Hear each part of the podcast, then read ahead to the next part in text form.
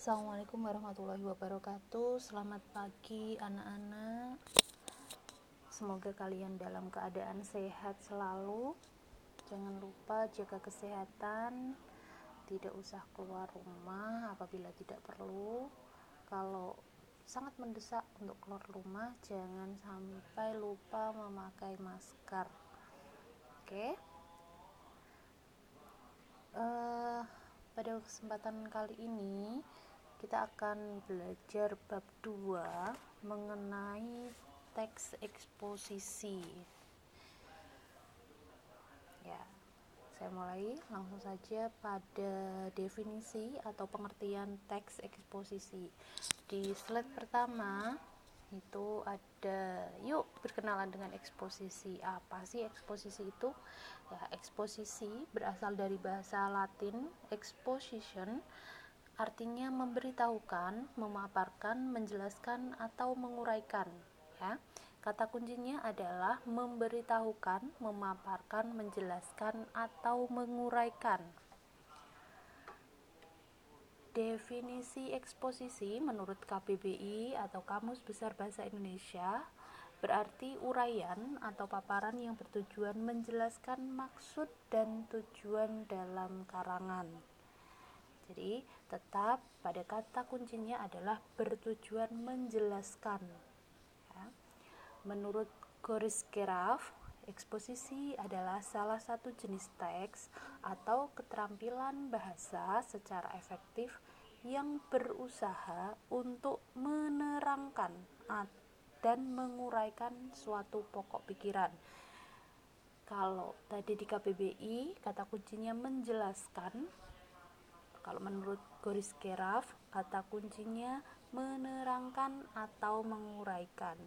Kembali, kembali lagi di definisi awal, eksposisi dari bahasa Latin tadi memberitahukan, memaparkan, menjelaskan atau menguraikan. Jadi, teks eksposisi adalah teks yang berisi tentang uraian atau paparan yang bertujuan untuk memberi informasi kepada pembaca ataupun pendengar sampai di sini bisa dimengerti ya. Kemudian saya lanjut pada ciri-ciri teks eksposisi. Setiap teks pasti mempunyai ciri khusus. Begitu juga dengan teks eksposisi. Ciri teks eksposisi ada tiga. Ini tiga yang paling menonjol. Yang pertama adalah objektif yang kedua informatif yang ketiga fakta objektif artinya teks eksposisi yang dibuat tidak boleh tidak boleh ada unsur subjektif atau memihak ya. Jadi teks eksposisi harus bersifat netral. Gagasan-gagasan yang kalian paparkan dalam teks eksposisi harus bersifat netral tidak boleh memihak satu, salah satu pihak tertentu Kemudian yang kedua adalah bersifat informatif. Karena tujuan dari teks eksposisi itu adalah harus memberikan uh, pemaparan, kemudian memberikan informasi, maka teks eksposisi yang kalian buat nanti harus bersifat informatif. Di mana Tujuannya adalah memberikan atau menambah informasi kepada pembaca. Setelah membaca karangan kalian, maka pembaca mendapatkan informasi yang baru, sesuatu yang baru. Gitu. Kemudian yang ketiga, fakta. Hubungannya apa? E, fakta ini dalam teks eksposisi.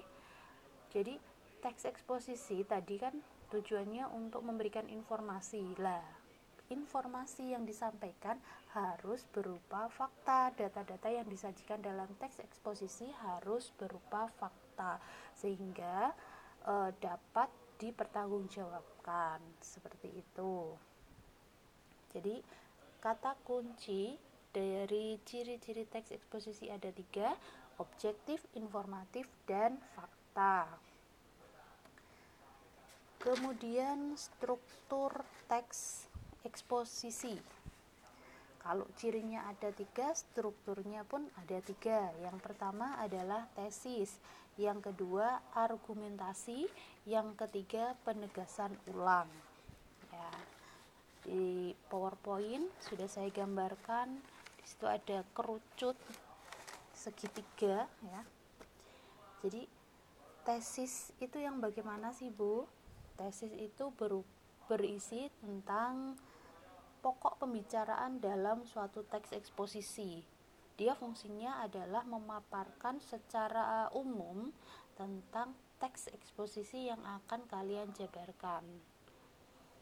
Yang kedua adalah argumentasi.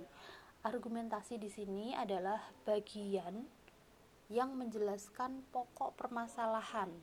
Kalau di tesis tadi penjabaran permasalahan secara umum Sedangkan argumentasi adalah pembahasan pokok pembahasan secara mendalam yang menjadi pokok teks eksposisi yang akan kalian bahas.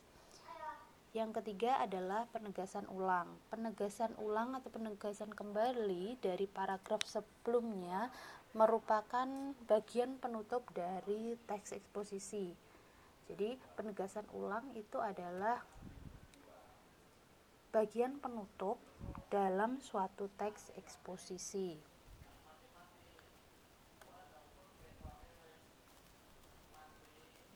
Anak-anak demikian tadi eh, definisi, kemudian ciri dan juga struktur teks eksposisi. Di pertemuan selanjutnya akan kita bahas tentang jenis teks eksposisi dan juga kaidah kebahasaan teks eksposisi.